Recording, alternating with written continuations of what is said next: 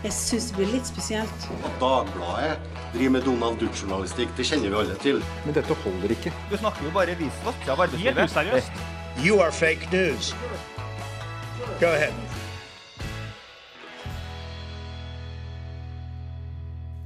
Vi skal gå gjennom det siste tiåret på kulturområdet, og vi har gjort det samme når det gjelder politiske nyheter, og da tenkte jeg at det hadde skjedd store omveltninger både i Norge og rundt omkring i verden, men på kulturfeltet har det virkelig skjedd ting som har forandret alle våre liv. Særlig personlig. Og med meg i studio har jeg Inger Merete Abelstad, kommentator, og Sigrid Witzen, kulturredaktør. God morgen. Hei. Yes. Og da begynner vi rett på med å snakke om noen hovedtrender i det siste tiåret. Hva er liksom det mest dramatiske som har skjedd, Sigrid? Det mest dramatiske er at rundt sånn 2008, eh, altså for uh, litt over ti år siden, så hadde ingen av oss Netflix, og ingen av oss hadde Spotify. Uh, Er det mulig? Er det mulig? Kan du tenke deg en slik situasjon? Og nå strømmer vi som aldri før. Vi ser på TV på en helt annen måte, vi hører på musikk på en helt annen måte, vi lever livet våre på en helt annen måte enn det vi gjorde bare for ti år siden. Så det har sett store, store, store forandringer både i hvordan vi konsumerer kultur, og hvordan hele kulturøkonomien er. Ikke sant? Fordi vi så på lineær TV. Vi så på lineær at, eh, TV, og vi lastet ned musikk ulovlig. Ikke jeg da, selvfølgelig. Men noen lastet eh, ned musikk ulovlig, eh, og av og til kjøpte vi også CD-er. Og det gjør vi jo ikke lenger. Inger Merete, du er jo filmanmelder, ikke minst. Mm. Og hvordan har det påvirket ditt område?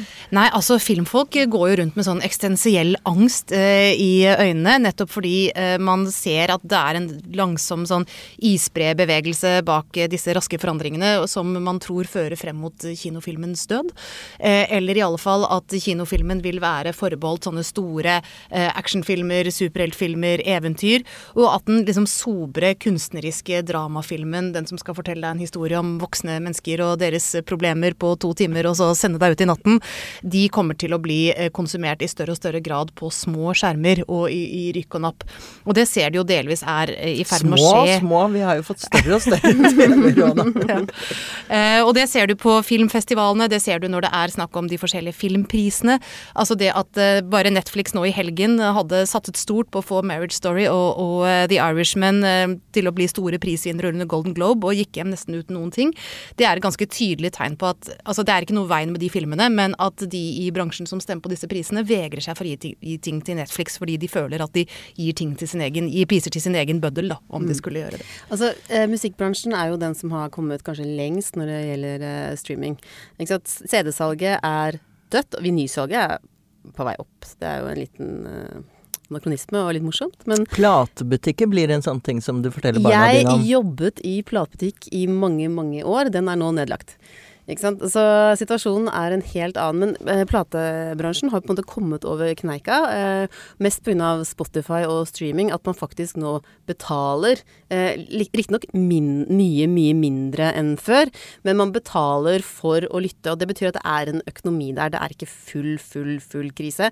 Artistene er ikke fornøyd, de får ikke nok betalt, mener de. Og platebransjen er jo nedskalert. Men, men det er en økonomi, og det er en bransje. Og du kan si at selve den streamingen har jo ikke bare forandret økonomien og hvordan vi lytter, men det har også forandret selve musikken. da. Poplåtene har forandret seg. Før så kunne de være ganske lange når de skulle spilles på radio. Nå så vil man jo he- høre Man vil jo at hele låta skal bli spilt, for da tjener man mer penger. Så da har de gått ned fra fire minutter til tre, cirka. Ikke sant. Eh, Det er også viktig at folk eh, catcher låta med en gang og har lyst til å høre videre. Så der man før begynte med et vers, fortsatte med et refreng, eh, ikke sant, kom tilbake til verset, så går det nå rett på refrenget hvis du vil ha en ordentlig hit. For det er kjempeviktig at lytteren lytter i 30 sekunder eller hva det er. For da får de også litt mer betalt. Hvis, du ikke, hvis de bare kutter etter ti sekunder, får du ikke betalt i det hele tatt.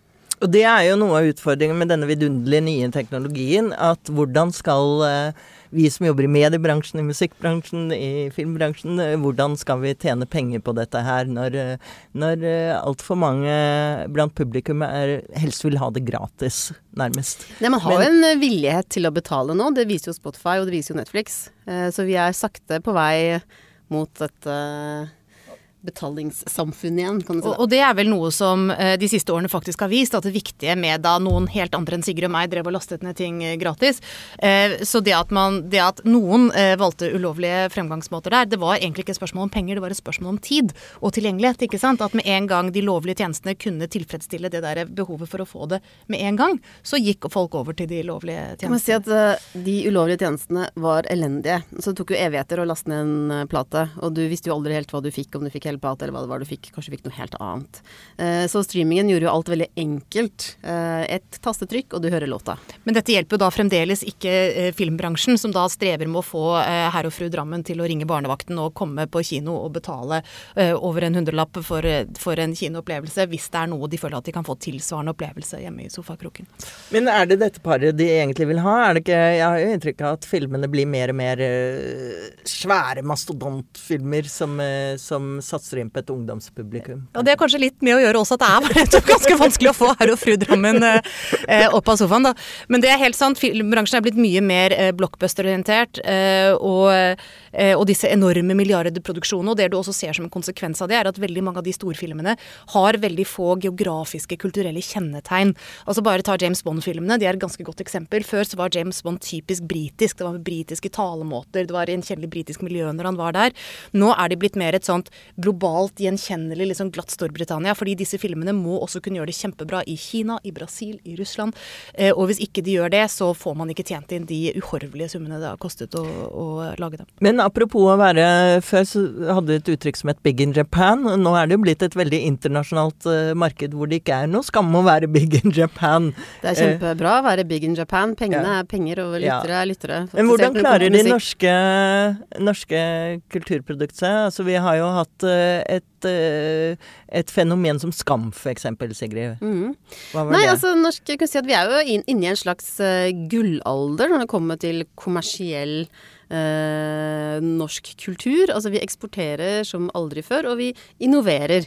Og det er jo veldig gøy. Skam er jo eh, på en måte en slags eh, det er jo flaks, for det var jo ikke lagd for å nå ut internasjonalt. Det var bare utrolig godt arbeid mot en målgruppe, og så var det så bra at vi voksne begynte å like det, og så var det så bra at det plutselig spredte seg over hele verden.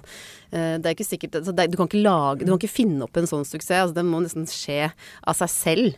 Hva sier du, Ingrid? Ja, jeg og det jeg tenker at Suksessen med Skam illustrerer noe av det jeg er veldig glad i å si så ofte som jeg kan, da, nemlig at det spesifikke er det allmenne. Altså Hvis du klarer å naile den menneskelige erfaringen, en person som går rundt med sin tvil, sine dilemmaer, sine uh, noiaer osv., så, videre, så kan det slå veldig veldig bredt an, selv om den persons situasjon er veldig tett knyttet til det f.eks. å være tenåring på en videregående skole Men i hvis vi tar for eksempel tar musikklivet, da, så har vi hatt kjempestore suksesser med Kygo eksempel, Alan Walker. Vi har disse, eh, den litt eldre duoen Seeb, eh, som eh, også mest strømmet i uh, altså verden en liten periode. Ikke sant? Som, folk sitter jo i Tyskland, og de sitter i Japan, og de liker det de hører, og plutselig så har du s- Og så har vi din navnesøster Sigrid. Så har vi min navnesøster Sigrid, og Astrid S, selvfølgelig. Ja. Eh, Kan jo nevne det også at når det gjelder norsk film, så har jo også norsk film en enormt mye større markedsandel enn hva den hadde. Altså det er ikke så mange år, kanskje en 20, hvis vi går 20 år tilbake i tid, så hadde norsk film en markedsandel i Norge for 5% Altså norsk film var jo et skjellsord, ikke sant, i seg selv. Nå er det 20-25% av markedsandelen som er, er norsk film, og det tyder jo på at man har blitt profesjonalisert i voldsom grad, og at man har knekt en eller annen kode eh, som gjør at man får veldig mange til å gå eh, på kino. Og så sørger jeg litt grann, da, over at det er ofte noen forferdelig kjedelige filmer som er det som trekker veldig mange folk på kino. Det er noen litt tråkige barnefilmer som burde vært utrolig mye bedre, og som trekker folk fordi det er en sånn hunger etter barnefilmer på norsk. Og så har vi fått en del litt sånn dvaske nasjonalromantiske epos, bl.a. fra filmen, eh, hvor andre verdenskrig f.eks. presenteres på en utrolig mye kjedeligere, banal, nasjonalistisk måte enn hva f.eks. filmer om andre verdenskrig gjorde Jeg- på 40- og 50-tallet. Jeg må bare skyte inn at uh, norske barnefilmer er kanskje en stor glede for norske småbarnsforeldre. For at det er veldig lett å bare sovne, og da sovne i den en og en halv timen det varer. Så det er en glede å gå og se Karsten og Petra, for det er helt umulig å holde seg våken.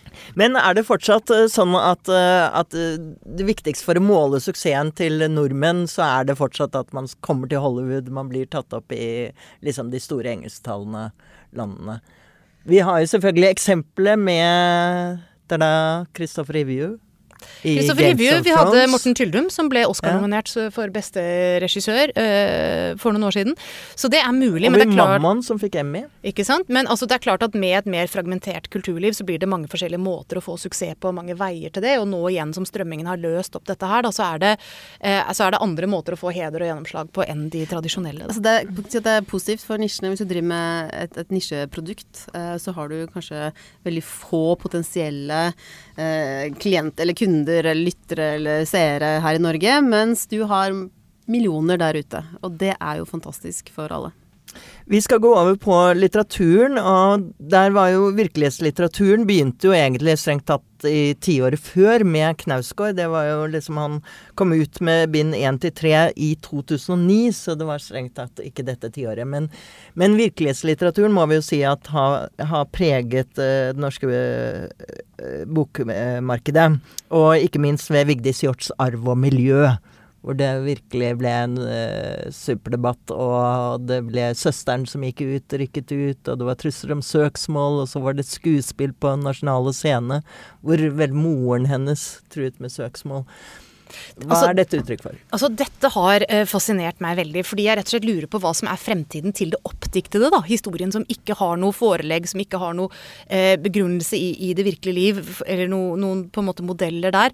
Eh, fordi du ser at det er blitt en mye, mye sterkere fascinasjon for forbindelsen mellom historien som fortelles, og livet til dem som forteller den. Eh, og dette ser vi selvfølgelig mellom Knausgård, vi ser det med Vigdis Hjorth, vi ser det en, med en oppblomstring av memoarlitteraturen. Eh, vi ser det med, for å trekke det litt over til film igjen, da, at veldig veldig mange Oscar-nominerte skuespillere spiller jo nå historiske personer, og ikke oppdiktede personer. Og det er liksom hvor like de klarer å være de historiske personene. Og, at de oppdiktede fortellingene som går best, er ofte sånne store, fantasifulle eh, eventyr. Og, og det er vel ikke slik at det oppdiktede kommer til å, å dø, men jeg er spent på hvilke veier det tar. For jeg syns det er verdt å huske på at alle kunstformer blir store fordi det er forhold og strukturer som legger til rette for det. Altså Da romanen ble den dominerende kunstformen på slutten av 1700-tallet, var det fordi det plutselig var et stort borgerskap. De hadde mer penger, de hadde mer fritid, de hadde større hus som gjorde at de kunne sitte og lese. Og dermed får du en forlagsbransje som trenger en så stor målgruppe for å kunne fungere. Inger Merete, dette er rett og slett Og- en brannfakkel. Du, er du er bekymret for romanens fremtid. Jeg er litt bekymret for, for romanen. Jeg lurer på hva, hva som kommer til å, hvor det kommer til å bli av den i alt mylderet. Men eh, jeg er ikke så bekymret. Altså, jeg ser bare på min egen lesning. Jeg er drittlei av å lese om eh, forfatteres uh, liv. Jeg vil gå til uh, de store fortellingene isteden. Uh, så jeg tenkte nesten at det kulminerte litt med Lars Saabye Christensen i høst, hvor han da skrev i sin roman at han skulle slutte å skrive, og kom med noen sånn litt sånn vage formuleringer til VG som slo opp papirav i papiravisen at eh, han skulle, dette var hans siste roman, og nå var det slutt. Og så viste det at han kanskje ikke hadde ment det helt uh, riktig likevel, og at virkelighetslitteraturen var virkelig der og da, men kanskje ikke nå. Men du ser også, jeg syns det er interessant hvordan forfattere som har skrevet om en bestemt type tematikk i mange år, nå plutselig er helt åpne om at dette var selvfølgelig fra deres eget liv. Tore Renberg som har skrevet igjen og igjen om fedre og sønner, ikke sant, og, og sønnen med den vanskelige alkoholiserte faren, han har jo vært ute og snakket om at jo da, det var hans eget far han hadde et eh, vanskelig forhold til. Eh, Dorot Steen som har skrevet mye om sant, kropper som ikke Men sånn fungerer. har det jo vært til enhver tid. Vi eh, trenger ikke nødvendigvis å kalle det virkelighetslitteratur. Nei, men det er det at man At det Hva skal jeg si? At det sløret mellom det du skriver og det du er Man bryr seg ikke om å opprettholde illusjonen lenger, da. Man er helt sånn utilslørt om at dette Ja. er ens egne erfaringer. Men Altså, Vigdis Hjorth har vel vært klar på at hun ville opprettholde det. Er, hun vil opprettholde skillet. Søsteren er litt mer usikker på akkurat det. Så, så var det jo et annet teaterstykke som virkelig har skapt breduljer. 'Ways of Seeing'. Eh, fra eh, Var på Black Box. Men eh, det var en fri, frigruppe som laget det, og det ble jo da beskyldt eh, for eh, det endte altså med at eh, Tor Mikkel Waras hjem ble skrevet var en som skrev rasistisk, og de på, prøvde å tenne på bilen. Og det ble beskyldt for at dette var venstreradikale i miljøet rundt denne teatergruppen som liksom hadde angrepet eh, justisminister Waras eh, hjem. Og så viste det seg da Ja, vi vet jo ikke ennå, men eh, i hvert fall konen til Tor Mikkel Wara ble siktet. Hva er dette? Altså, det var jo et lite teaterstykke som ingen hadde sett før dette skjedde. Du kan si at det var et teaterstykke som på mange måter eksisterte i et ekkokammer. Altså de som går på Black Box, de eh, som, uh, de som pleier å gå på Black Box, eh, de eh, så på det som sikkert, altså nå vil jeg anta, politisk teater som de kanskje var litt enig i, og, og var, liksom, de er vant til å se denne type teater. men så var det jo slik at Aftenposten skrev en anmeldelse av dette teaterstykket, hvor de nevnte bl.a. at disse husene var vist på storskjerm. Og da var det jo flere som fyrte seg opp. Og resten er historie, kan faktisk. Resten er norsk Det politisk historie. seriøst, det var jo et seriøst stykke som eh, handlet om politisk overvåking, blant annet. Det var et seriøst stykke hvor- som handler om rasisme, nettverk, politisk overvåkning Ja. og maktstrukturer. Da. Så du kan si at det gikk jo inn i eh, en større debatt. Jeg er bare ikke helt sikker på om Black Box og Ways of Seeing var forberedt på at det faktisk ville skape debatt. Jeg tror, altså dette er min tolkning av det, og slik de håndterte det mens det foregikk, var sånn å, shit. Eh, vi har faktisk lagd noe som har skapt debatt, for en gangs skyld. og vi vet ikke helt hvordan vi skal og Å, hjelp! Så vi vet ikke, og, og, og det gjorde jo det litt vanskelig at på en måte ingen av sidene i denne liksom, store diskusjonen Begge håndterte det litt dårlig, og så var det veldig mange som uttalte seg om det, som aldri hadde sett det, fordi det gikk jo bare Ja. noen ganger, men Altså, så ble det satt opp igjen. Og jeg ble igjen. faktisk litt eh, bekymret uh, en liten periode der da Erna gikk ut uh, og kritiserte uh, stykket. Hun gjorde det. Ja, og da tenkte jeg ble litt bekymret for på en måte, kretsen rundt Erna. Fordi hvis hun bare aksepterer den type informasjon som hun da fikk, eh, helt ukritisk, og uttaler seg på bakgrunn av det, har hun, er hun da omgitt av de riktige menneskene som stiller de riktige kritiske spørsmålene. Og Men- hun har ennå ikke sagt eh, unnskyld til. Blackbox, og det syns jeg er kritikkverdig. Men altså, det var jo utrolig mange som taklet denne situasjonen utrolig dårlig, eh, må man jo kunne si. Og denne saken var eksempel på mange ting, men også på en veldig politisering av, av hvordan kunst forstås, da. ikke sant? Og hvordan det med at dette er eh, en gruppe og et teater som opererer med statlig støtte, ble sett på som at å nei, det er staten som finansierer deres ideologi, som eh, finansierer deres syn på eh, det norske samfunnet. Og det er liksom, altså, det ble jo av, av noen For det var jo Tor Mikkel Waras partifeller som ville, ville strupe støtten ikke sant? til Og, og, at man ikke, og, og, og at det perspektivet om at her er det en kunstnerisk gruppe, og litt av Altså når de får eh, penger, så er litt av, støtt, litt av poenget at da skal de være fri til å fremføre det politiske budskapet de måtte ønske, samme hva det måtte være. Eh, at den forståelsen var forbløffende svak da, i store Men jeg tenker deler at av Det er jo eh, kanskje en del av den virkelighetslitteraturdebatten som vi var inne på i stad. At, at skillene mellom kunst og det virkelige livet eh, har blitt utvisket på en måte som at vi ikke vet helt hva som er hva akkurat nå. og Det syns jeg er veldig spennende. Ikke sant? Man leser romaner på jakt etter en eller annen flik av sannhet. og annen, Man leser alle romaner som om de var nøkkelromaner, og ser alle teaterstykker som om eh, det ikke er fiksjon. Altså, det, det, vi har kommet over en litt, kanskje litt sånn skummel sakprosatilstand. alle sammen. Sakprosatilstand. eh, Ja, eh, det er jo likevel romanen, selv om du er bekymret for den, så har, har eh, norske romaner og, norsk litteratur gjort det stort i utlandet. Og vi var hovedgjestland i Frankfurt på litteraturfestivalen der. Og det er Det var stort, var det ikke det? Det var veldig, veldig, veldig, veldig, veldig, veldig stort. Eh, altså rent fysisk. For det er en kjempestor, stor hangar hele den messen eh, foregår i, og folk eh, trasker rundt der i dagevis. Norge har jo brukt masse penger i flere år på å bygge opp rundt denne messen. Vi har oversatt masse bøker til tysk og andre språk. Vi har jo jobbet med nettverksbygging. Det har vært mye si, mye oppbygging eh, til det, liksom, kulminasjonen i at vi skulle være vertsland der. Eh, og så gjenstår det jo egentlig å se hvordan det gikk, fordi det kan man jo ikke vite før om en god, god stund. Altså Uansett syns jeg det var gledelig at det ble sånn satset på. At det ble brukt 54 millioner, tror jeg, på, på å satse på litteratur. Og så må man i ettertid få evalueringen om hva som faktisk ble man fikk igjen for, for eh, de og de satsingene. Men altså, dette er jo to på en måte lykkelige eh, ting som går sammen. Det ene er at norsk litteratur jevnt over holder høyt nivå. altså Vi ser at det vekker interesse i, i mange land og leses og, og blir veldig anerkjent. Og det andre er at det jevnt over også har en stor interesse for det skandinaviske. Da. Så det har jo vært forskjellige bølger som bl.a. ga seg utslag i Nordic Noir-bølgen, altså denne interessen for skandinavisk krim. Og som kanskje har litt sammenheng med at verden er et litt sånn turbulent sted. Da.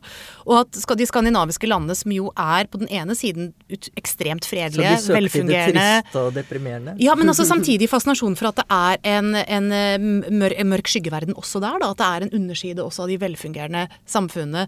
Og, og hva er egentlig det? Hva er det som rører seg, rører seg der? Og hvor, hvor det var interesse som egentlig gjaldt flere aspekter ved de skandinaviske samfunnet som jeg tror vi nøt Det er jo gjerne det. slik at når du kan, Tyskland har jo allerede uh, Maja Lunde har jo solgt bøtter og spann i Tyskland i flere år. Og det er jo gjerne slik at når man først har én, så drar den forfatteren med Mm. seg noen andre. At det blir en bølge. Og da er det jo veldig, veldig smart å ri den bølgen. Eh, Men Maja de Lunde er vel uh, kanskje litt sånn typisk for trender i uh, litteraturen. At, at det er romaner, politiske, politiske romaner. Ja, men politiske, politiske romaner. At det har en politisk greie. Hun er jo klima som tema, selvfølgelig. Og det har jo vært noe som har vært eh, Mange har snakket om i politikken også de senere årene. Men nå skal vi snakke om noe som virkelig er politisk, og det er eh, metoo, som jo eh, Altså, det har jo rammet eh, hele samfunnet. Eh, Metoo-bevegelsen, eller hva vi skal kalle det, et fenomen, eller hva vi eh, skal kalle det. Men, men eh, det er særlig innen kulturen og filmbransjen at det har sett, og det startet jo nettopp med Harvey Weinstein. Har du møtt Harvey Weinstein, Inger Merete? Nede i Cannes, eller noe sånt? Jeg har ikke møtt Harvey Weinstein, men jeg hadde lest og skrevet ganske mye om ham før denne saken kom. Han var jo viden kjent for å være en bølle sånn på Visste absolutt du alle det, Inger måter. Merete? Visste du det? Er jeg en av den store sammensvergelsen? Og, Han var på suiten hans i Cannes. Nei, så, så, så sånn sett var jo ingen, ingen sånn fryktelig sjokkert at det var ham, da, selv om det jo var ganske rystende historier som kom frem. Ja, jeg tenker vi må dra fram eh, altså Jeg vil få en liten kjapp hyllest til de kvinnene som var de første som sto fram, og som risikerte alt. Og som da startet hele sulamitten. Og vi kan jo da også kanskje få anbefale en bok jeg vet flere av oss har lest, nemlig She Said av Jodie Cantor og Megan Toohey, som var New York Times-reporterne som, eh, som eh, kom med denne saken først og satte i gang hele snøballen.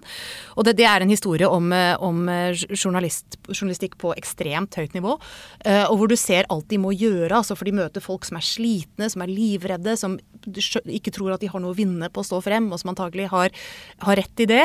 Og ikke bare må de overtale disse kvinner til å stå frem, de må også faktisk be dem sannsynliggjøre historien sin, ikke sant. Men jeg syns det var interessant å eh, lese den med at uh, her er det jo på en helt egen divisjon, ikke sant. Harvey Weinstein har vel De kan kjøpe de dyreste advokatene du har, og ha en hel hær av dem, uh, som New York Times måtte stå imot. Jeg husker at hun Rebecca Corbin, som er, uh, var reportasjesjefen til eh, to journalister, spurte jeg var dere ikke redde for disse juristene. Ja, The New York Times has lawyers too, sa hun. Det tviler jeg ikke på. Men likevel så er argumentasjonen, de motkreftene og tilbakeslagene de hele tiden møtte, er ganske gjenkjennelige også fra den norske debatten, syns jeg. Eh, absolutt, og der har du den, den liksom balansen eh, altså som linedansen som man nesten må, må gå. da, fordi For det første så handler dette om eh, historier der på en måte problemet har vært at folk ikke har vært trodd, blitt trodd. ikke sant? At man har spurt om hva er motivene til folk for å stå frem, hva har de å vinne på det. Men samtidig så har du det at hvis man ikke eh, belegger historiene godt og gjør et godt nok journalistisk arbeid, så kan folk trekke dem i tvil, og dermed trekke hele bevegelsen i tvil. ikke sant? Og si at nå er det bare å påstå noe, og så, og så må folk gå fra Man kan ikke bare ha stære. én, man må ha Ja. mange. Og det å få Ja. så mange til å stå fram Mm. Jeg har lyst til å spørre deg til slutt et eh, tema som jeg vet at begge dere to har vært opptatt av, er kan vi liksom se nå filmer med Kevin Spacey? Kan du høre på R. Kelly? Ah, jeg sliter jo veldig akkurat med det, for jeg er jo stor fan av både Michael Jackson og R. Kelly.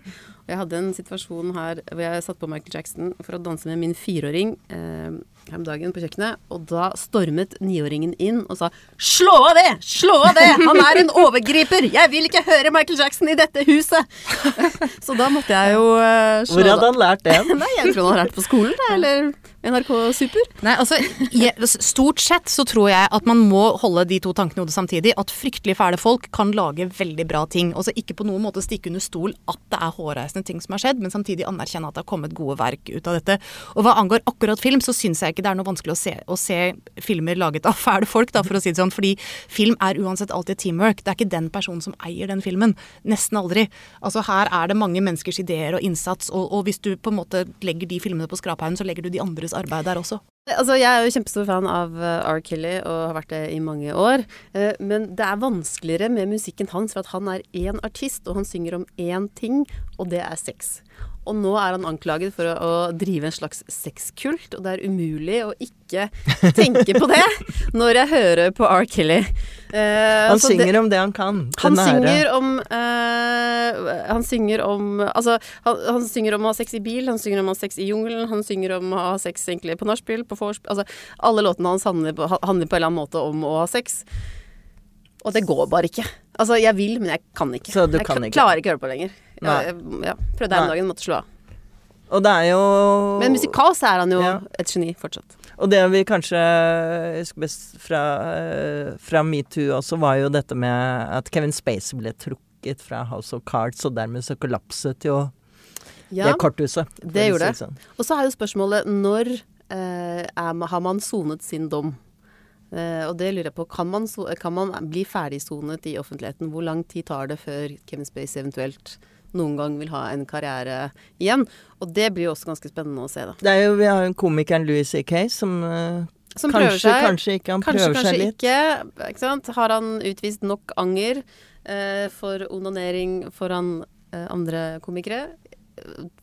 Det er, vel kanskje det er, jo, det er jo Vi må jo understreke at uh, At det er jo forskjellige grader av hva de har gjort. Altså det er noen som har beskyldt for grove voldtekter. Øh, og det er jo kanskje noe annet enn uh, Det er jo egentlig noe helt annet enn metoo og gråsonene, tenker jeg. For Ja. metoo handler er- stort Så det er nok uh, kanskje litt avhengig av det. Men nå kommer i hvert fall både bøkene og filmene, og jeg tror metoo kommer jo til å bare fortsette å prege det neste tiåret òg, Ja, vi har jo ikke snakket om Nobelprisen ennå. Apropos. Nobelprisen og kulturmannen. og Kulturmannen. Du si at uh, svenske metoo kulminerte jo nesten i uh, at uh, Deaderton kollapset og ikke klarte å gi ut Nobelprisen uh, fordi det ble avslørt at mannen til en av medlemmene eh, både hadde opptrådt uanstendig og eh, lekket informasjon fra fra komiteen til eh, pressen, og han ble jo til slutt dømt for voldtekt. Han ble dømt for voldtekt, så, så det var jo uh, alvoret. Og at ingen hadde grepet fatt i det, var jo også sjokkerende. Det uh, ødela jo hele Hele Akademiet at ble jo ikke klarte å håndtere det. Ja. Så det endte jo da med at de ikke klarte å uh, utgi rett og slett Nobelprisen i 2018. Nei. Og så kom det to stykker i fjor, og da var det jo mange som liksom ventet at eh, her skulle de kanskje gjøre bot og bedring. Kanskje de skulle ha en, eh, en eh, hvert sånn kvinne, f.eks. En kvinnelig prismotiv. Kanskje en fra Afrika og Asia. Nei, hvem valgte det? De valgte Peter Handke, kanskje Europas mest kontroversielle forfatter, eh, og Olga Tokarczuk fra Polen, som jo er Det var bra. fantastisk. Det bra. Det var fantastisk. Vi anbefaler henne. Og eh, slik jeg, kanskje, jeg og ganske mange andre tolket eh, prisutdelingen til Peter Hanke, at det var en slags up yours fra komiteen eh, til resten av verden. Vi bryr oss ikke om hva dere mener eller måtte tenke. Vi er apolitiske, som jo ikke er, faktisk er en tilstand de har mulighet til å være i. Eh, men likevel, de mener at de er apolitiske og gir den til dem de vil. Men er liksom Nobelprisen Er det er denne metoo-skandalen, eller er den blitt mindre relevant? Jeg tror at eh, det har skadet dem enormt. For at er liksom hemmelighetsfulle sløret som før Det kom noen fra oven eh, og ga Nobelprisen, og det var stort. Nå vet vi at det er ekstremt feilbare mennesker som sitter der, og de er reaksjonære, og de klarer ikke å håndtere krise. Og det er jo ikke bra. Det er bra. nesten som å se Kevin Spacey på film, dette her. Kevin Spacey burde spille Horace uh, i neste film. Men til slutt må vi jo se litt i spåkullen, og jeg lurer på, Sigrid, kan du Har du noen idé om hvilket område som kommer til å bli rammet av denne disruptive uh, sjokket som vi har snakket om, som har rammet musikk, film, mediebransjen? Jeg tror bokbransjen kommer til å gå et hardt eh, tiår i møte. De har opplevd eh, fallende salg nå over flere år, og har slitt ganske mye. Og det er ganske åpenbart at de ikke klarer å innovere nok innenfra. Så jeg tror det kommer til å komme noen utenfra, akkurat sånn som Spotify med musikkbransjen, eller Netflix med filmbransjen, og komme med en eller annen fantastisk ny løsning som setter opp ned på hele bokbransjen. Eh, Og så kommer det til å være kommer til å, være, kommer til å bli vanskelig for dem, men forhåpentligvis så kommer de også ut på andre sida. Og det, da kan jeg bare si til bokbransjen at dere bør glede dere, vi som har stått i dette her siden eh, snart to tiår. Det, er, eh, det er en fryd å komme ut på andre siden, i hvert fall. De burde legge en plan, det er helt klart, for det her kommer ikke til å bli eh, lett.